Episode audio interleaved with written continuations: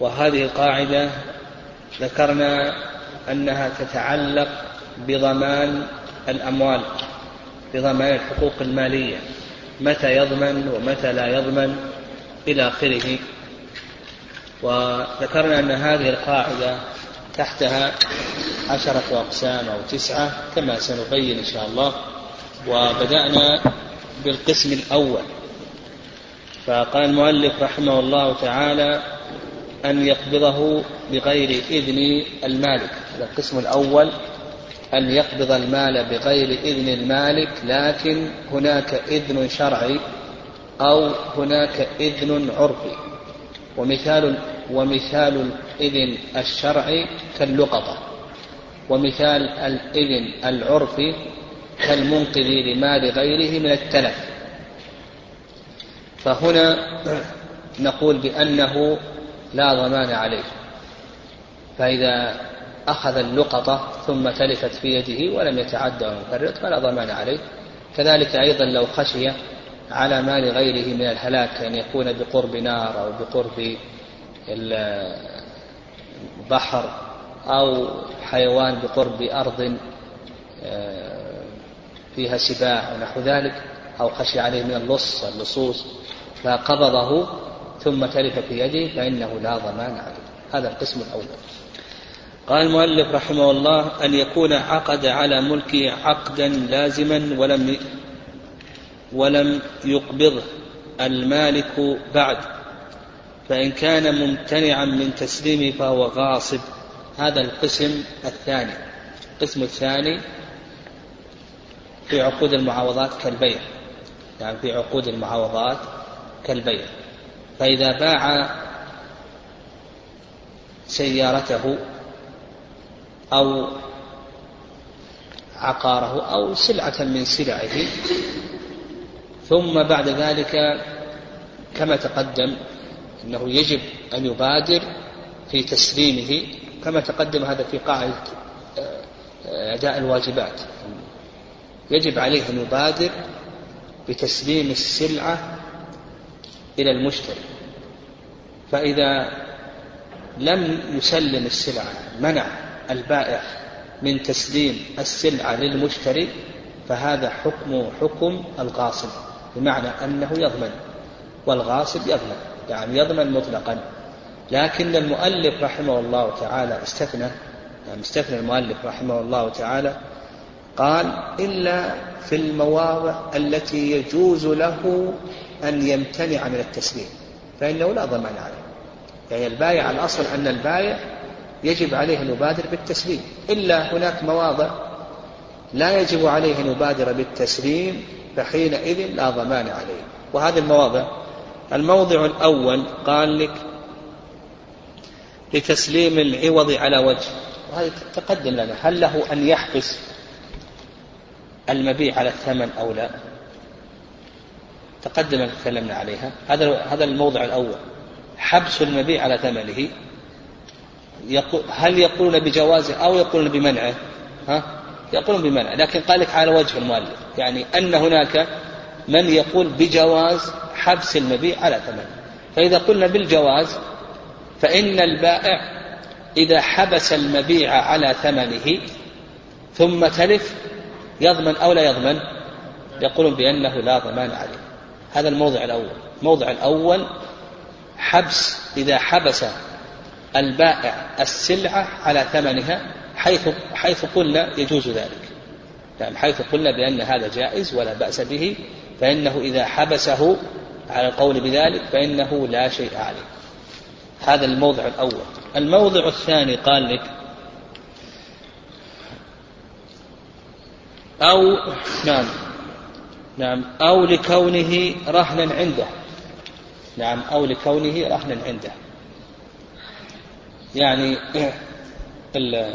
كونه رهنا. حبس المبيع لكونه رهنا. يعني المشتري اشترى السلعة وقال للبائع اجعلها رهنا. يعني اجعلها رهنا عندك وأقرضني كذا وكذا أو نحو ذلك. قال اجعلها رهنا. وأقرضني كذا وكذا إلى آخره. فهنا إذا تلفت عند البائع هل يضمن أو لا يضمن؟ نقول بأنه لا يضمن لأن المرتهن أمين والأمين لا يضمن إلا بالتعدي أو التفريط. فهنا البائع لا يأخذ حكم الغاصب لأنه مأذون له في الحبس لأن المشتري أذن في حبسها بأن يجعلها رهنا الموضع الثالث إذا كان البائع قد استثنى المنفعة يعني استثنى منفعة تقدم لنا هذا أنه يجوز استثناء المنافع في عقود المعاوضات وعقود التبرعات. تقدم لنا. فإذا باعه السيارة وقال بشرط أن يستخدمها لمدة يوم أو يومين إلى آخره حبسها عنده. ثم دلفت هل يضمن أو لا يضمن؟ ها؟ نقول بأنه لا ضمان عليه. فإذا استثنى المنفعة نقول بأنه لا ضمان عليه.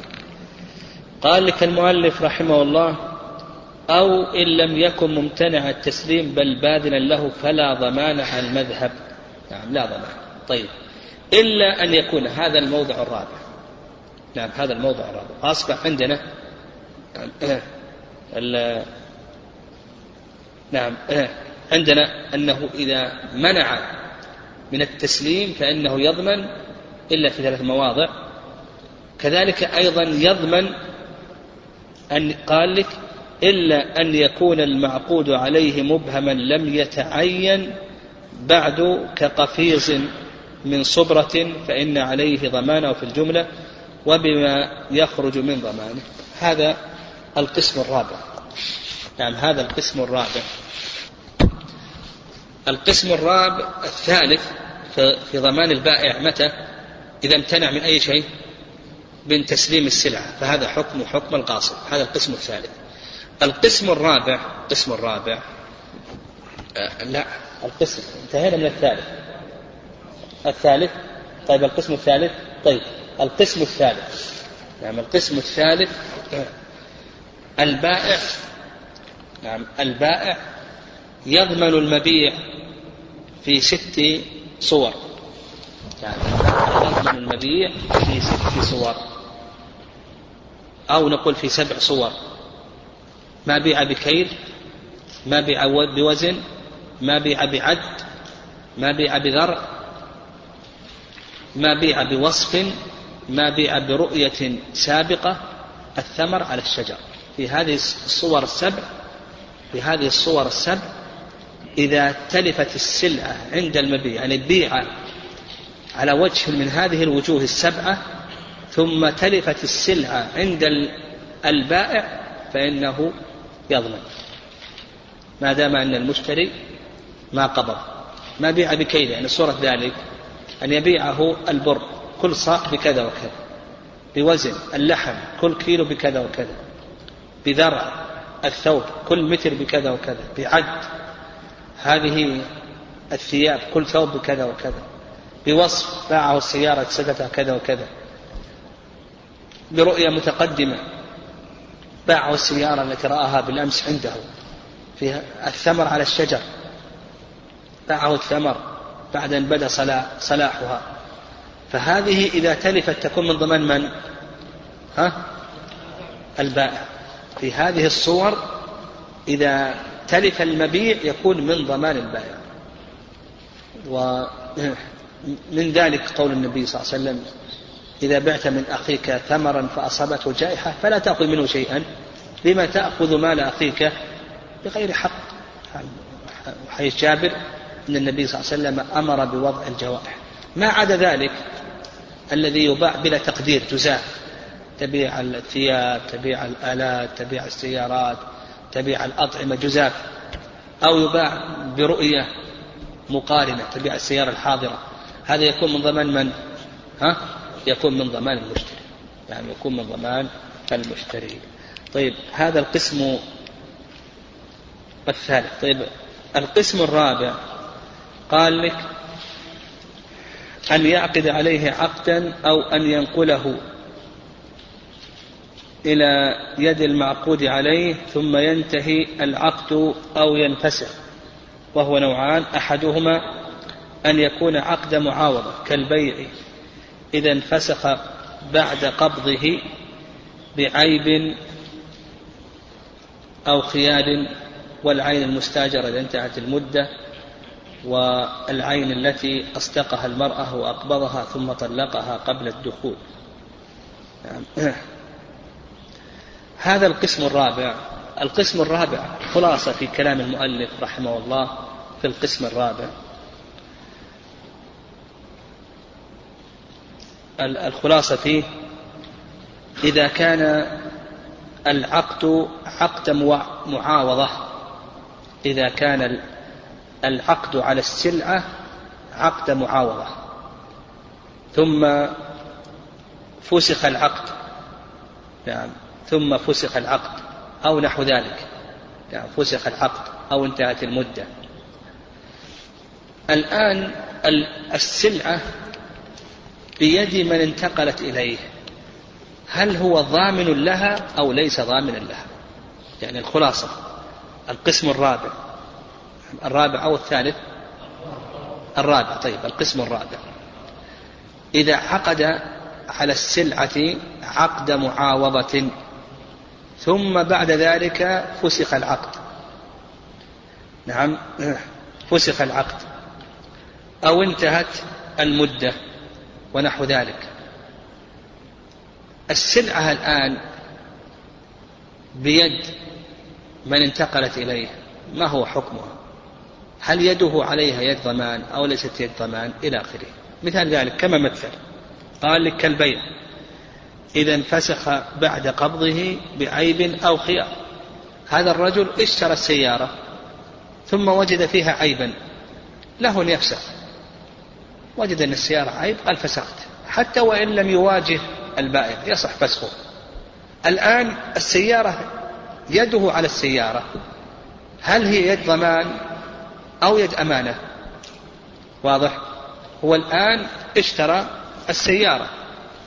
ثم بعد ذلك وجد أن في السيارة وجد أن في السيارة عيبا.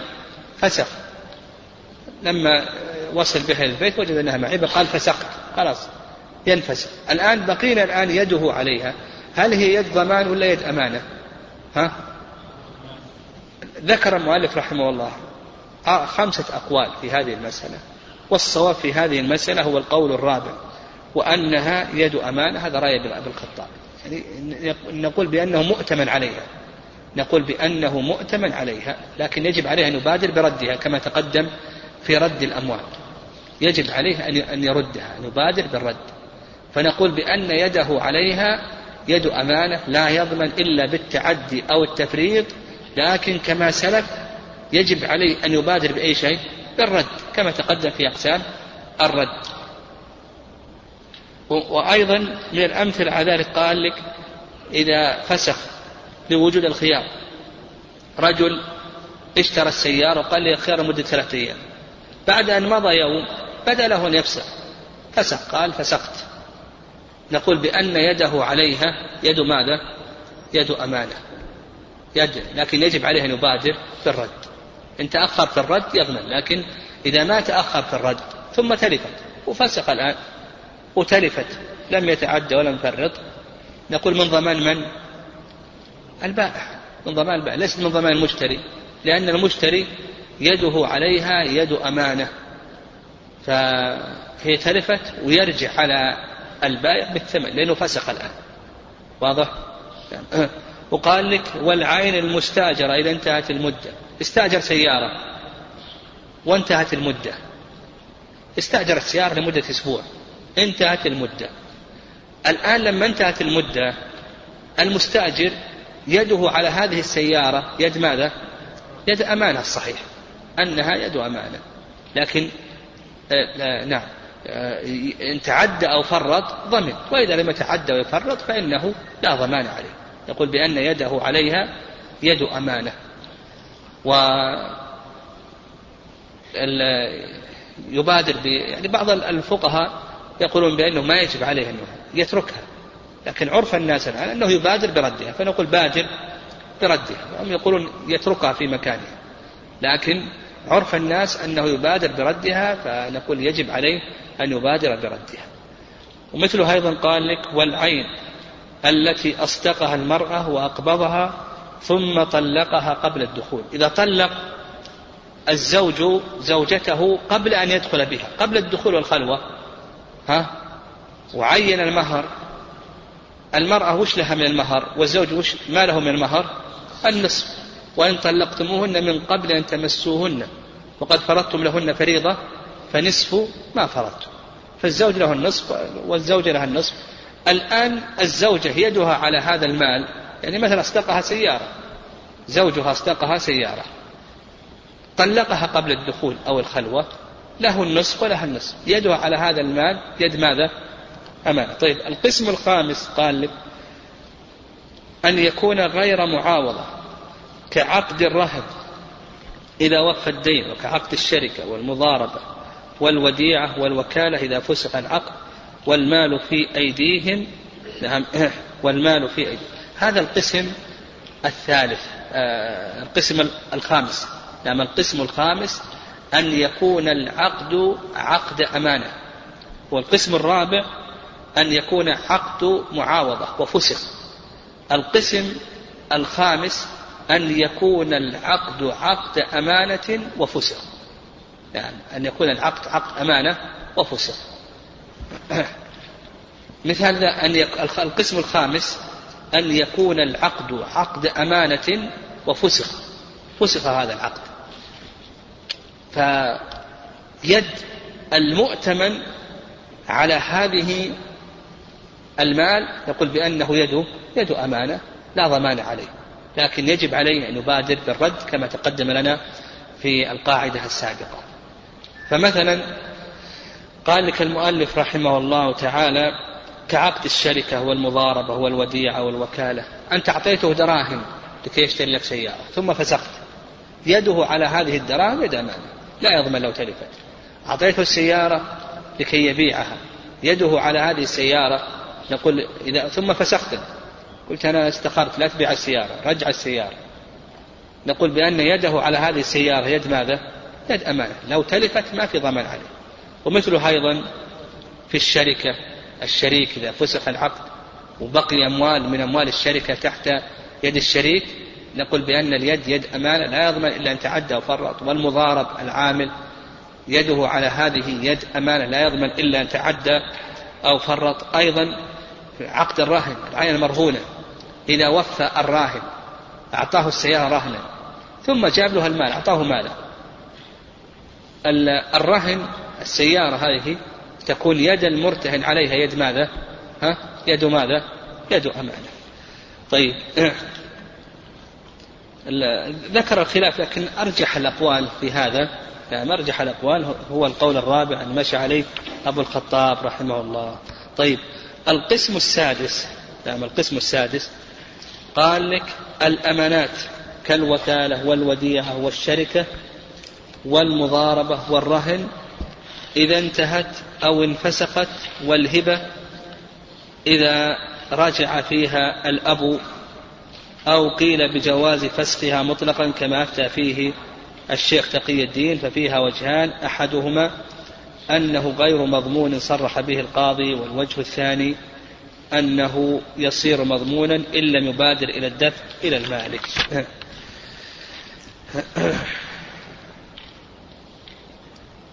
نعم. القسم هذا القسم الحقيقة أنه كما تقدم في القسم الذي قبله الأمانات إذا فسخت الأمانات إذا فسخت فإن يد الأمين عليها يد أمانة. وذكر المؤلف رحمه الله في هذه المسألة رأيين. الأمانات كالوكالة والوديعة والشركة والمضاربة والرهن إذا انتهت أو فسخت. يعني انتهت كان تكون المضاربة محددة لمدة سنة ثم بعد ذلك انتهت المضاربة فإن يد المضارب, على المال يد أمان. أو مثلا الشركة محددة لمدة سنة يعني مثلا شركة الوجوه أو شركة العنان اتفق على سنة ثم بعد ذلك تنتهي الشركة فإن يد الشريك عليها آه، يد أمان الوكالة إذا فسخت يد الوكيل على المال يد أمانة. الوديعة إذا فسخت يد المودع عليها يد أمانة. قال لك أيضا والهبة إذا رجع فيها الأب. الأب له أن يرجع في هبته لولده. يعني إذا وهب ولده فإن له أن يرجع. نعم له الأصل أنه لا يجوز الرجوع في الهبة لقول النبي صلى الله عليه وسلم في حديث ابن عباس العائد في هبته كالكلب يقيء ثم يعود في قيئه.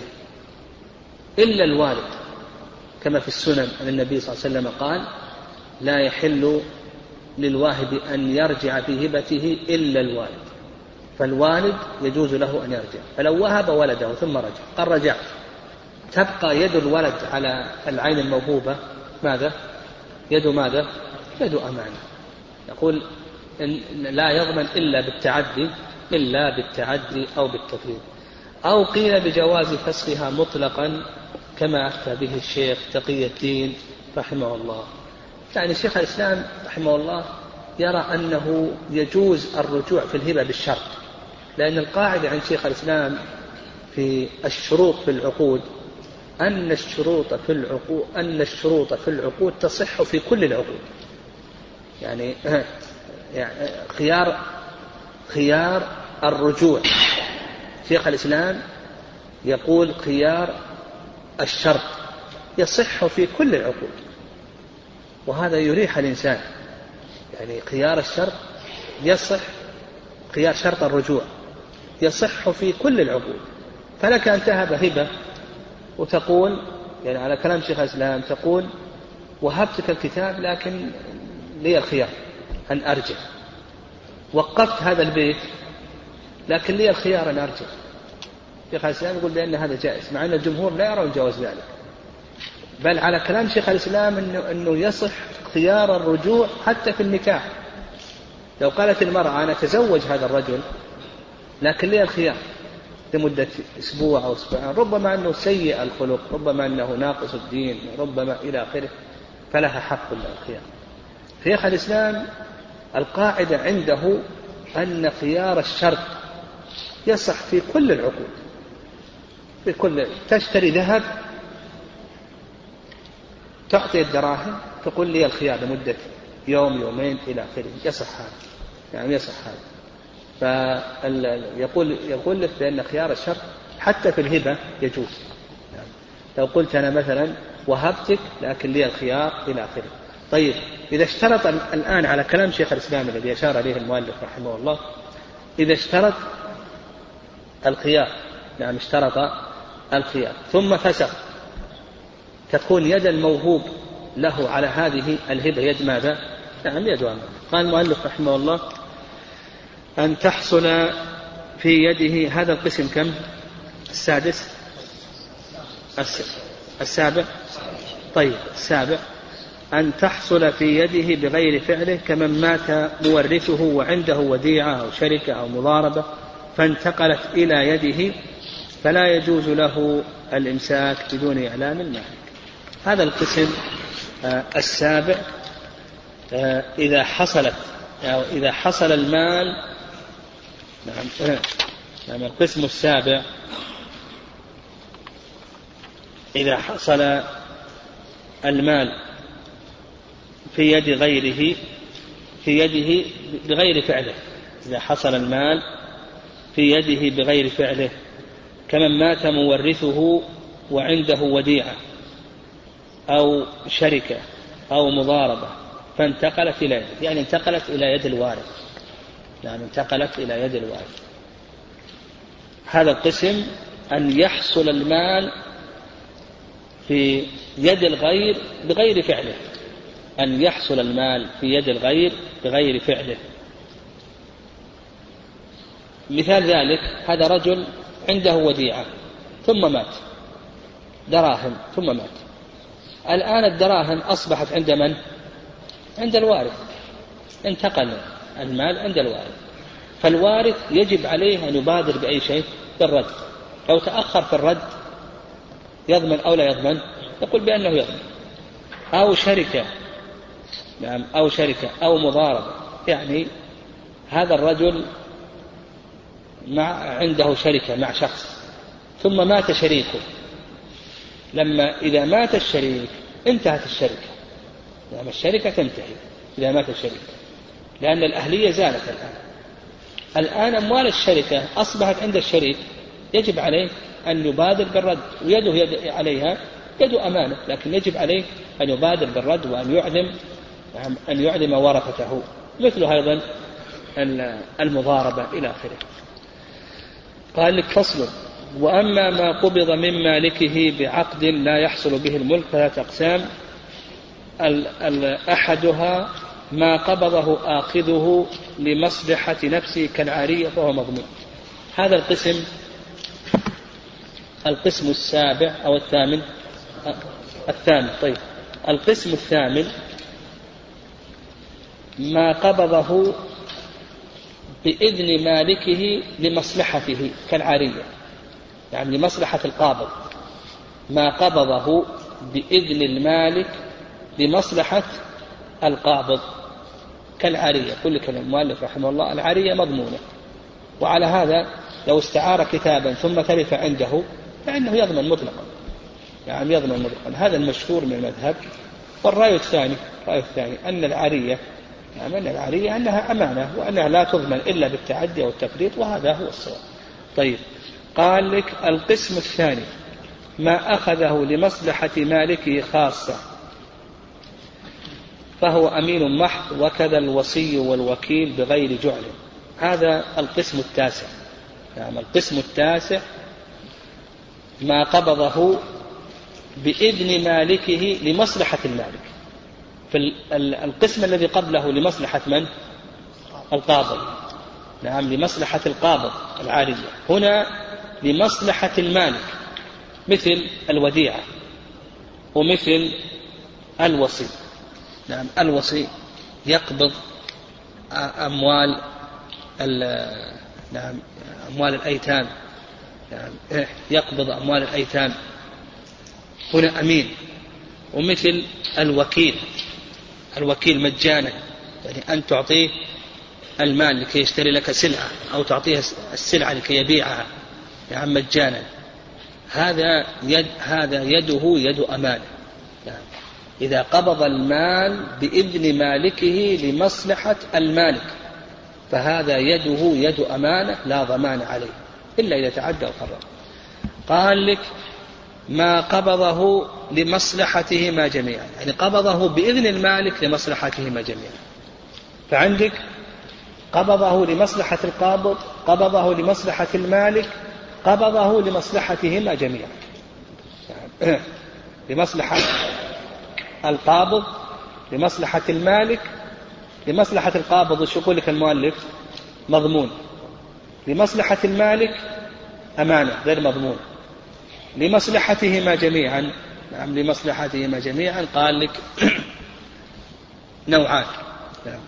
قال لك ما قبضه هذا هذا القسم التاسع أو العاشر ما قبضه لمصلحتهما جميعا بإذن المالك. ما قبضه لمصلحتهما جميعا بإذن المالك. قال لك وهو نوعان.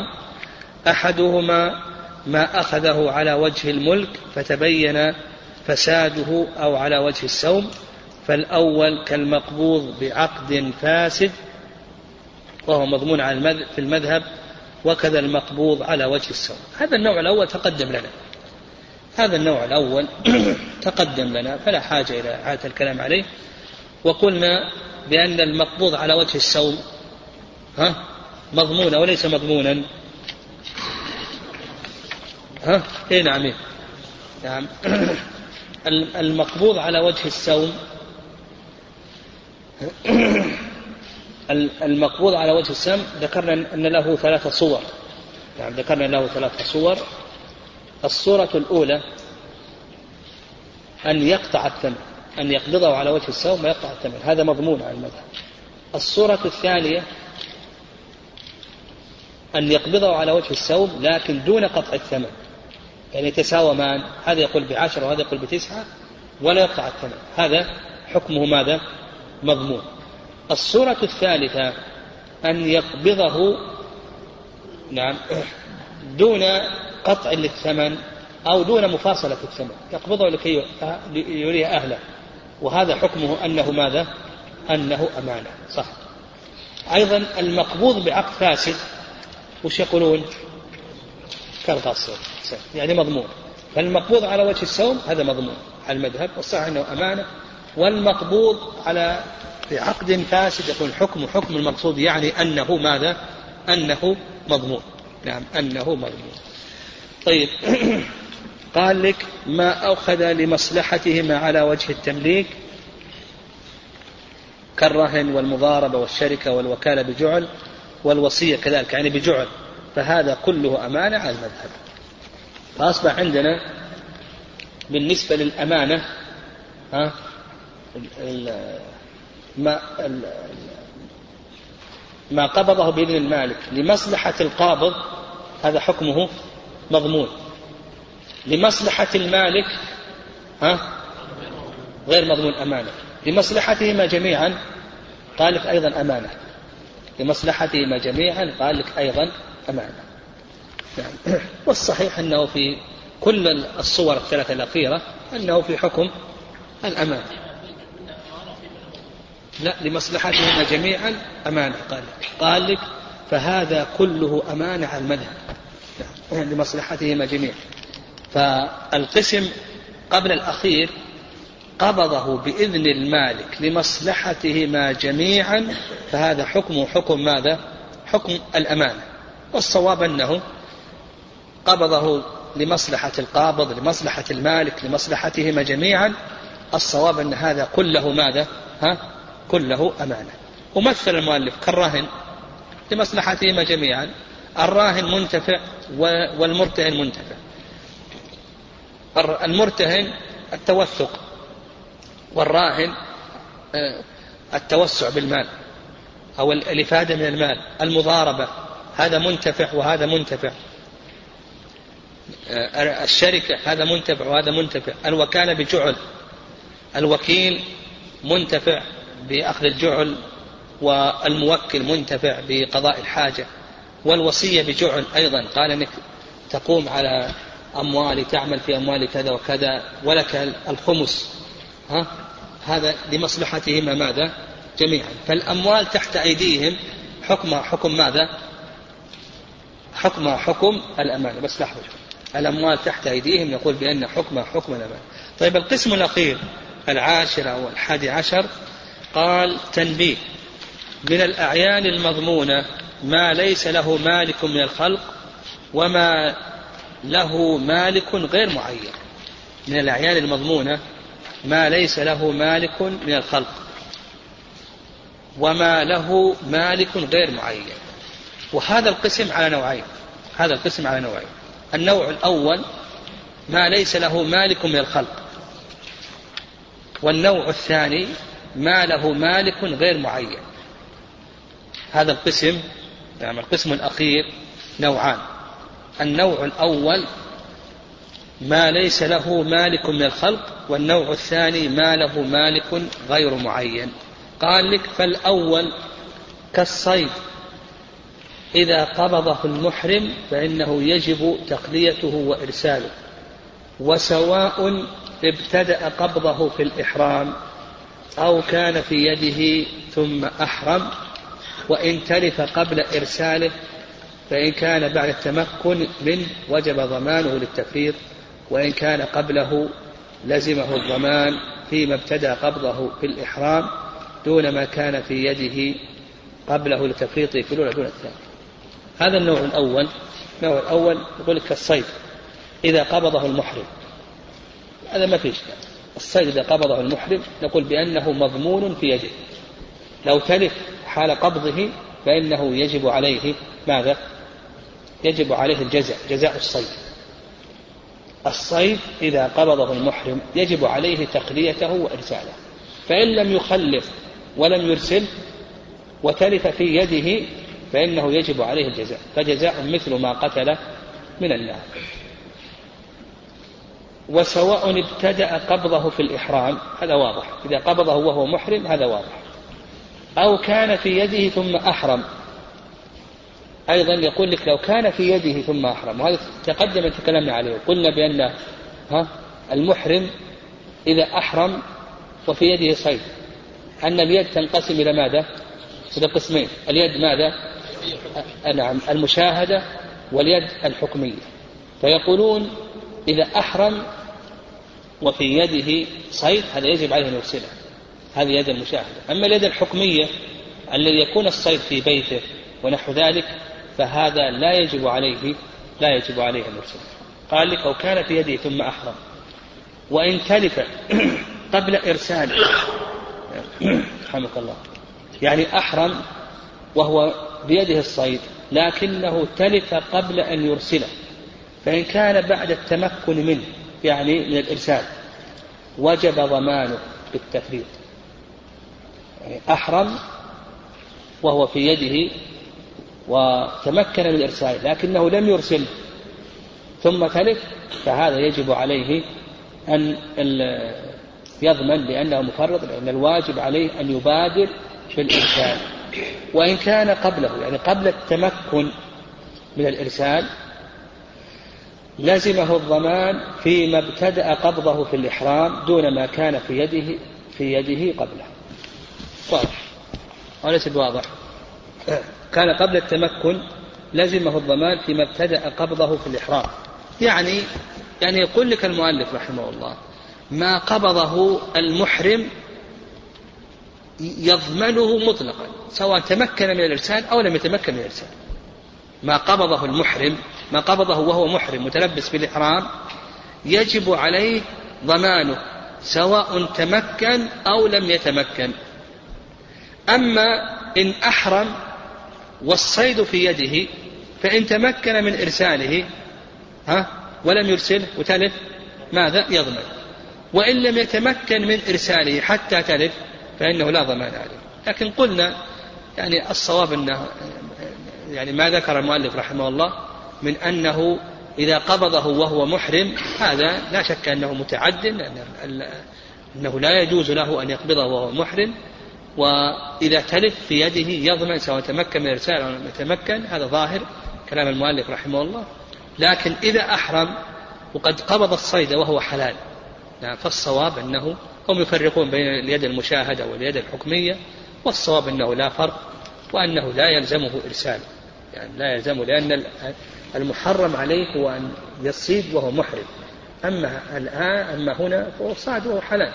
نعم صاد وهو حلال. قال الثاني يقال لك القسم الأخير قلنا ما ليس له مالك من الخلق. قال وما له مالك غير معين الزكاة.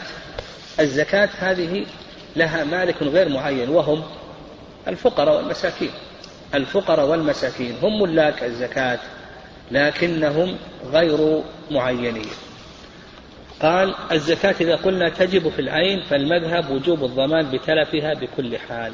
قال تقدم الكلام على ذلك. الزكاة يقول لك المؤلف رحمه الله لا يشترط التمكن من أي شيء. ها؟ تكلمنا عليه بالأمس لا يشترط التمكن من الأداء فإذا حال الحول حتى وإن لم تتمكن من الأداء وتلفت احترق المال سرق إلى آخره يجب عليك أن تخرج الزكاة.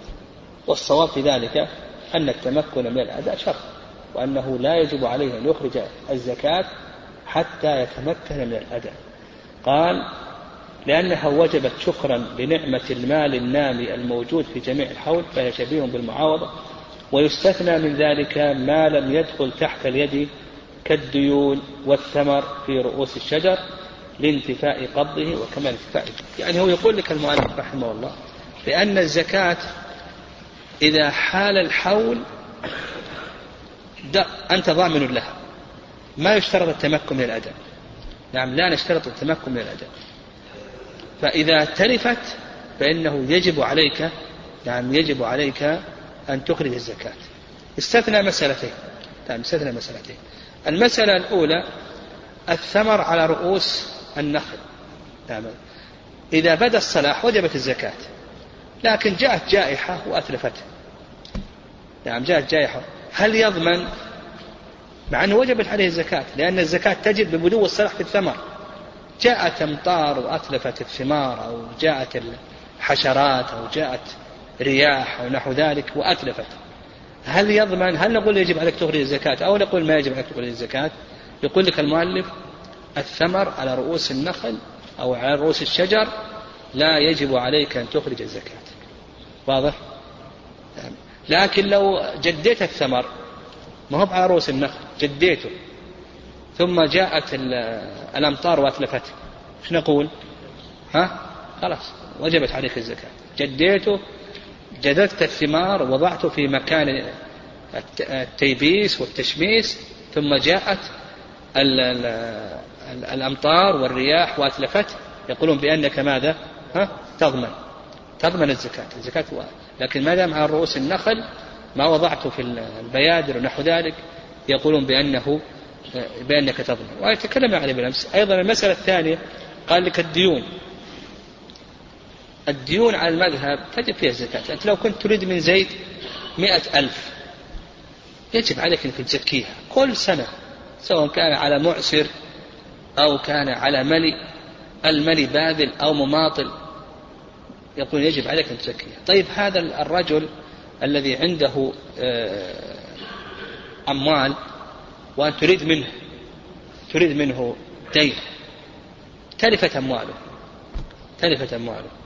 هل يجب عليك أن تخرج الزكاة أو لا يجب عليك أن تخرج الزكاة؟ ها؟ يقول لك لا يجب عليك أن تخرج الزكاة. يقول لك في هذه الحالة لا يجب عليك أن تخرج الزكاة. نعم نعم. فالخلاصة في هذه القاعدة ذكرنا لها عشرة أقسام وأحد عشر قسما.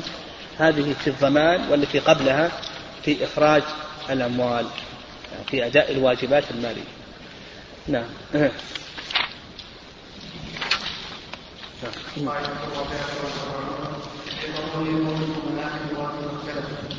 والسلف ثم القول ثم القول امين اذا معنى لامانه النبي عليه الصلاه واما بعد فالامانه ثلاثة اقسام الأول انقبض على من فعل من وحده المنهج ان قوله في الرد مقصود الثاني انقبض على صاحب نفسه من تكليف الشروط وقوله في الرد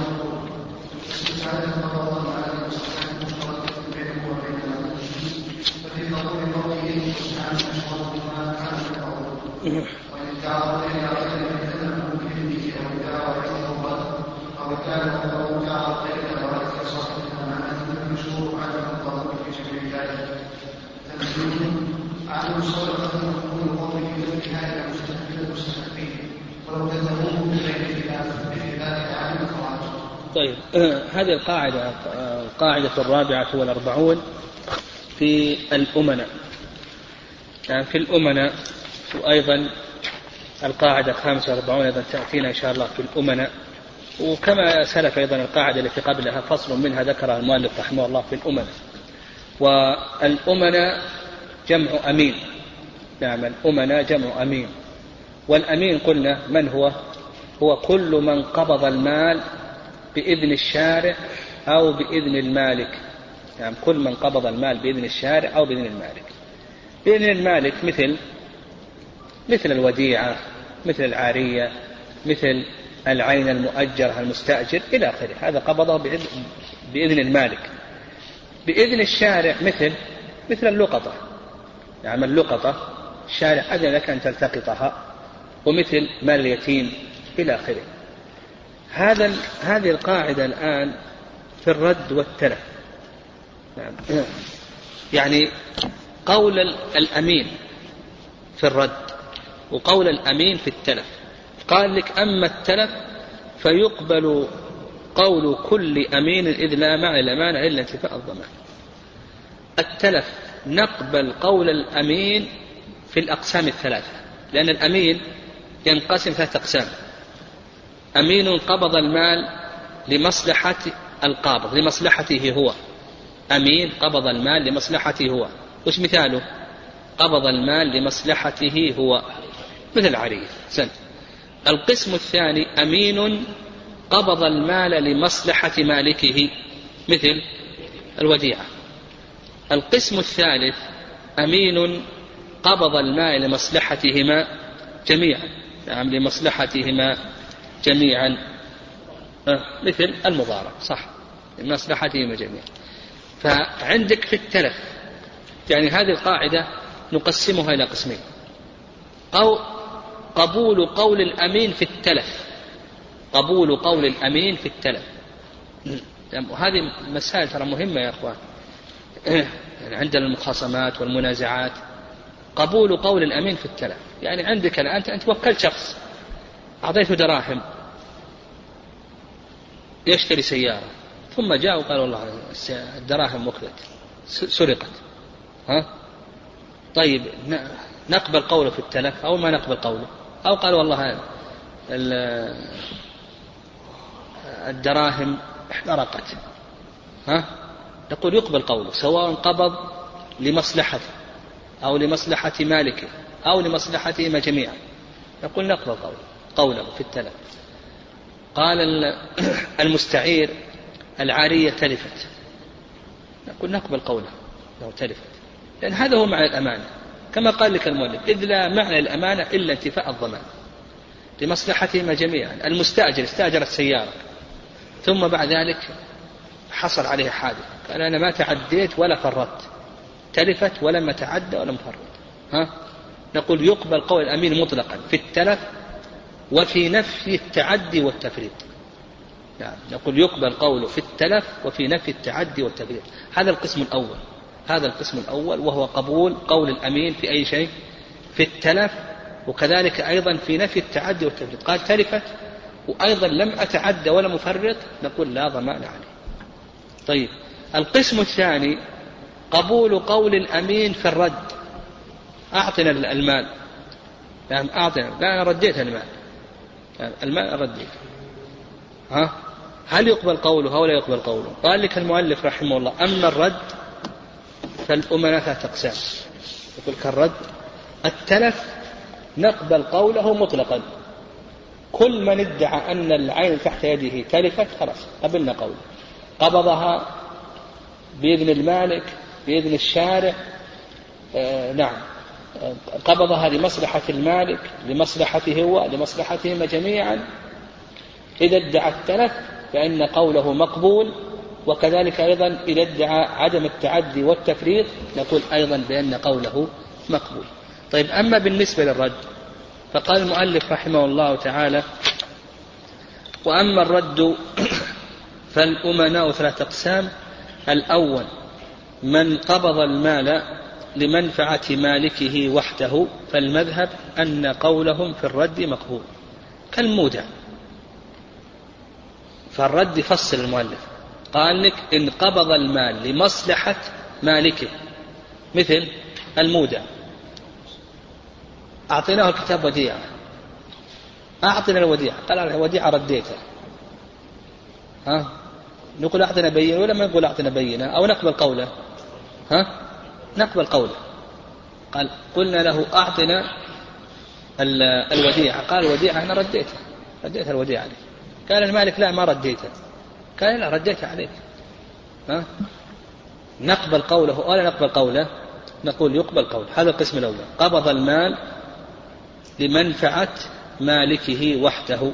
يعني ومثل ذلك أيضا الوصي. يعني قبضه لمنفعة مالكه. وناظر الوقف قبضه لمنفعة مالك. الوكيل إذا كان متبرعا. ناظر الوقف.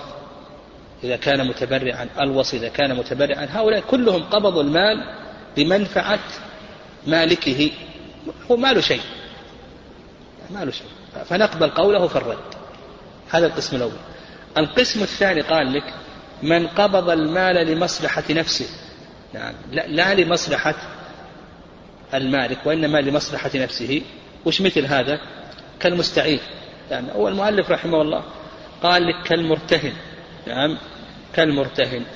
نعم المرتهن هو قبض المال لمن لمنفعتهما جميعا لمنفعتهما جميعا. لكن المستعير هنا واضح. قبض المال لمصلحة من؟ لمصلحته هو. لمصلحة القابض وليس لمصلحة المالك. قال فقوله في الرد غير مقبول. فإذا قبض المال لمصلحة القابض ليس لمصلحة المالك كالمستعير. ها؟ قلنا للمستعير أعطنا الكتاب الذي استعرت قال رديته. نقبل قوله ولا ما نقبل قوله؟ نقول لك المؤلف يقول لك ما يقبل قوله. طيب القسم الثالث من قبض المال لمصلحتهما جميعا. أيضا يقول لك ما يقبل قوله. مثل المضارب مثل الشريك مثل أيضا الصحيح المرتهن. قبض المال لمصلحتهما جميعا. يعني المضارب لمصلحتهما جميعا الشريك لمصلحتهما جميعا إلى آخره. قلنا للمضارب أعطنا المال. مال المضاربة؟ قال رديته. للشريك أعطنا مال الشركة قال رديته. يعني أعطنا مال الشركة قال رديته. يقبل قوله ولا ما يقبل؟ يقول لك المؤلف رحمه الله ما يقبل قوله. فأصبح الذي يقبل قوله على كلام المؤلف ها؟ هو الذي قبض المال لمصلحة المالك فقط. كل الأمناء ما يقبل قولهم إلا من قبض المال لمصلحة من؟ المالك. مثل المودع والوصي يعني والوكيل وناظر الوقف إذا كان مجانا عمله. يعني إذا كان مجانا عمله. فالخلاصة في ذلك في الرد نقول بأن الأمناء لا يقبل قولهم في الرد إلا من قبض المال ها لمصلحة مالكه فقط. طيب التلف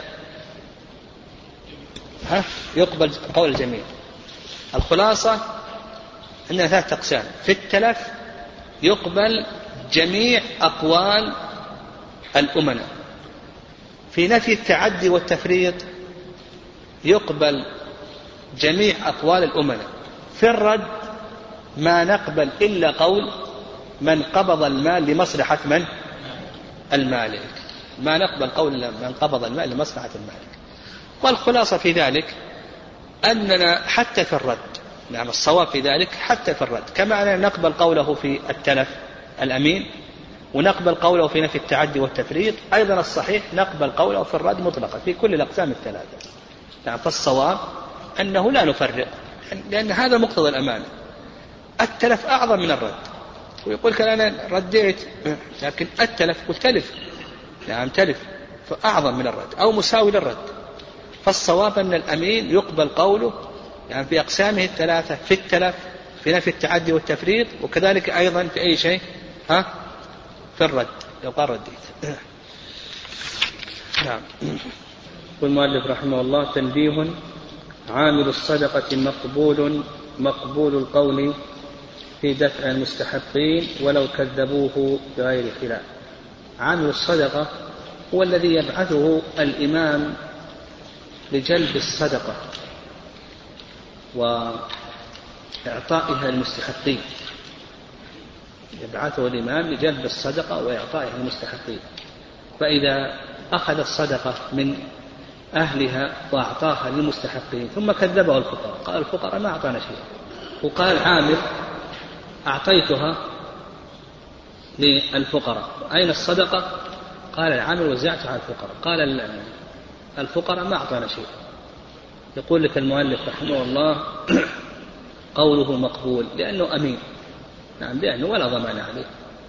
يقول بخلاف عامل الخراج. نعم عامل الخراج. الخراج ما يضربه الإمام عن أرض الخراجية. أرض. أرض السواد يعني أرض مصر والشام والعراق. هذه لما فتحت وقفها عمر. عمر رضي الله تعالى عنه وقف هذه الأشياء وجعل عليها خراجا يؤخذ ممن هي بيده. يعني من هي بيده يقوم باستثمارها ويدفع الخراج في بيت المال. فإذا بعث الإمام هذا العامل لكي يأخذ الخراج ويضعه في بيت المال أو يوزع على المستحقين وكذبه المستحقون يقول لك المؤلف رحمه الله فرق بين عامل الخراج وبين عامل الصدقة. عامل الصدقة يقبل قوله وأما عامل الخراج إذا كذبه المستحقون لا يقبل قوله. نعم. نعم. ها؟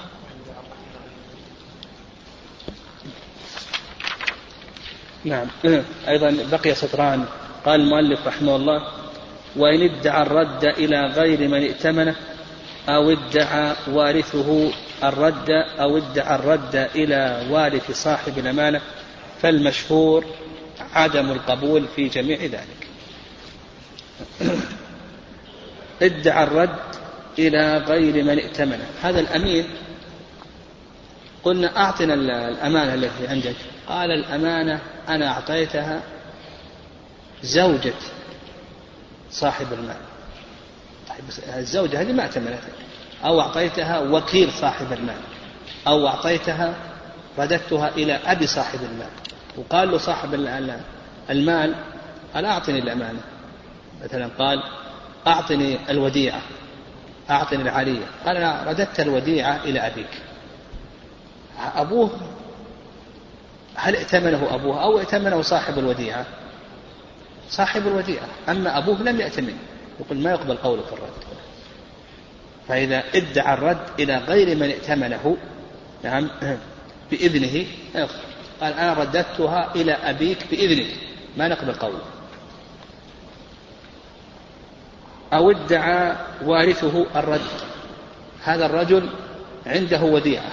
قلنا أعطنا المودع مات. جئنا إلى ورثة المودع. أعطونا الوديعة. قالوا بأن الوديعة قد رددناها. قال رددناها إليك صاحب الوديعة. هل يقبل قوله أو ما يقبل؟ ما يقبل قول الورثة هنا. لأن المالك المودع إنما ائتمن المودع. ما ائتمن الورثة هو ما ائتمن الورثة ائتمن المودع فلا نقبل قوله. لا بد من بينة. أو ادعى الرد إلى وارث صاحب الأمانة. يعني ال ال هنا المالك هو الذي مات. في الصورة قبلها المودع أو الأمين هو الذي مات. الأمين هو الذي مات. فادعى ورثته الرد. ما نقبل. هنا الذي مات من هو؟ المالك. نعم. المالك أو ادعى الرد إلى وارث صاحب الأمانة. المالك هو الذي مات. أتى, أتى الورثة إلى صاحب إلى الأمين قالوا أعطنا الأمانة قال رددتها إليكم. ما يقبل. نعم لو قال رددتها إلى الأمين قبل لكن كونه يدعي الرد إلى الورثة لأن الورثة لم يأتمنوا ما يقبل. قال لك فالمشهور عدم القبول في جميع ذلك. يعني في هذه الصور يعني في هذه الصور الأربع رد إلى غير من ائتمنه بإذنه ادعى وارثه الرد يعني وارث الأمين أو ادعى الرد إلى وارث صاحب الأمانة. بهذه الصور الثلاث يقول فالمشهور عدم القبول في جميع ذلك.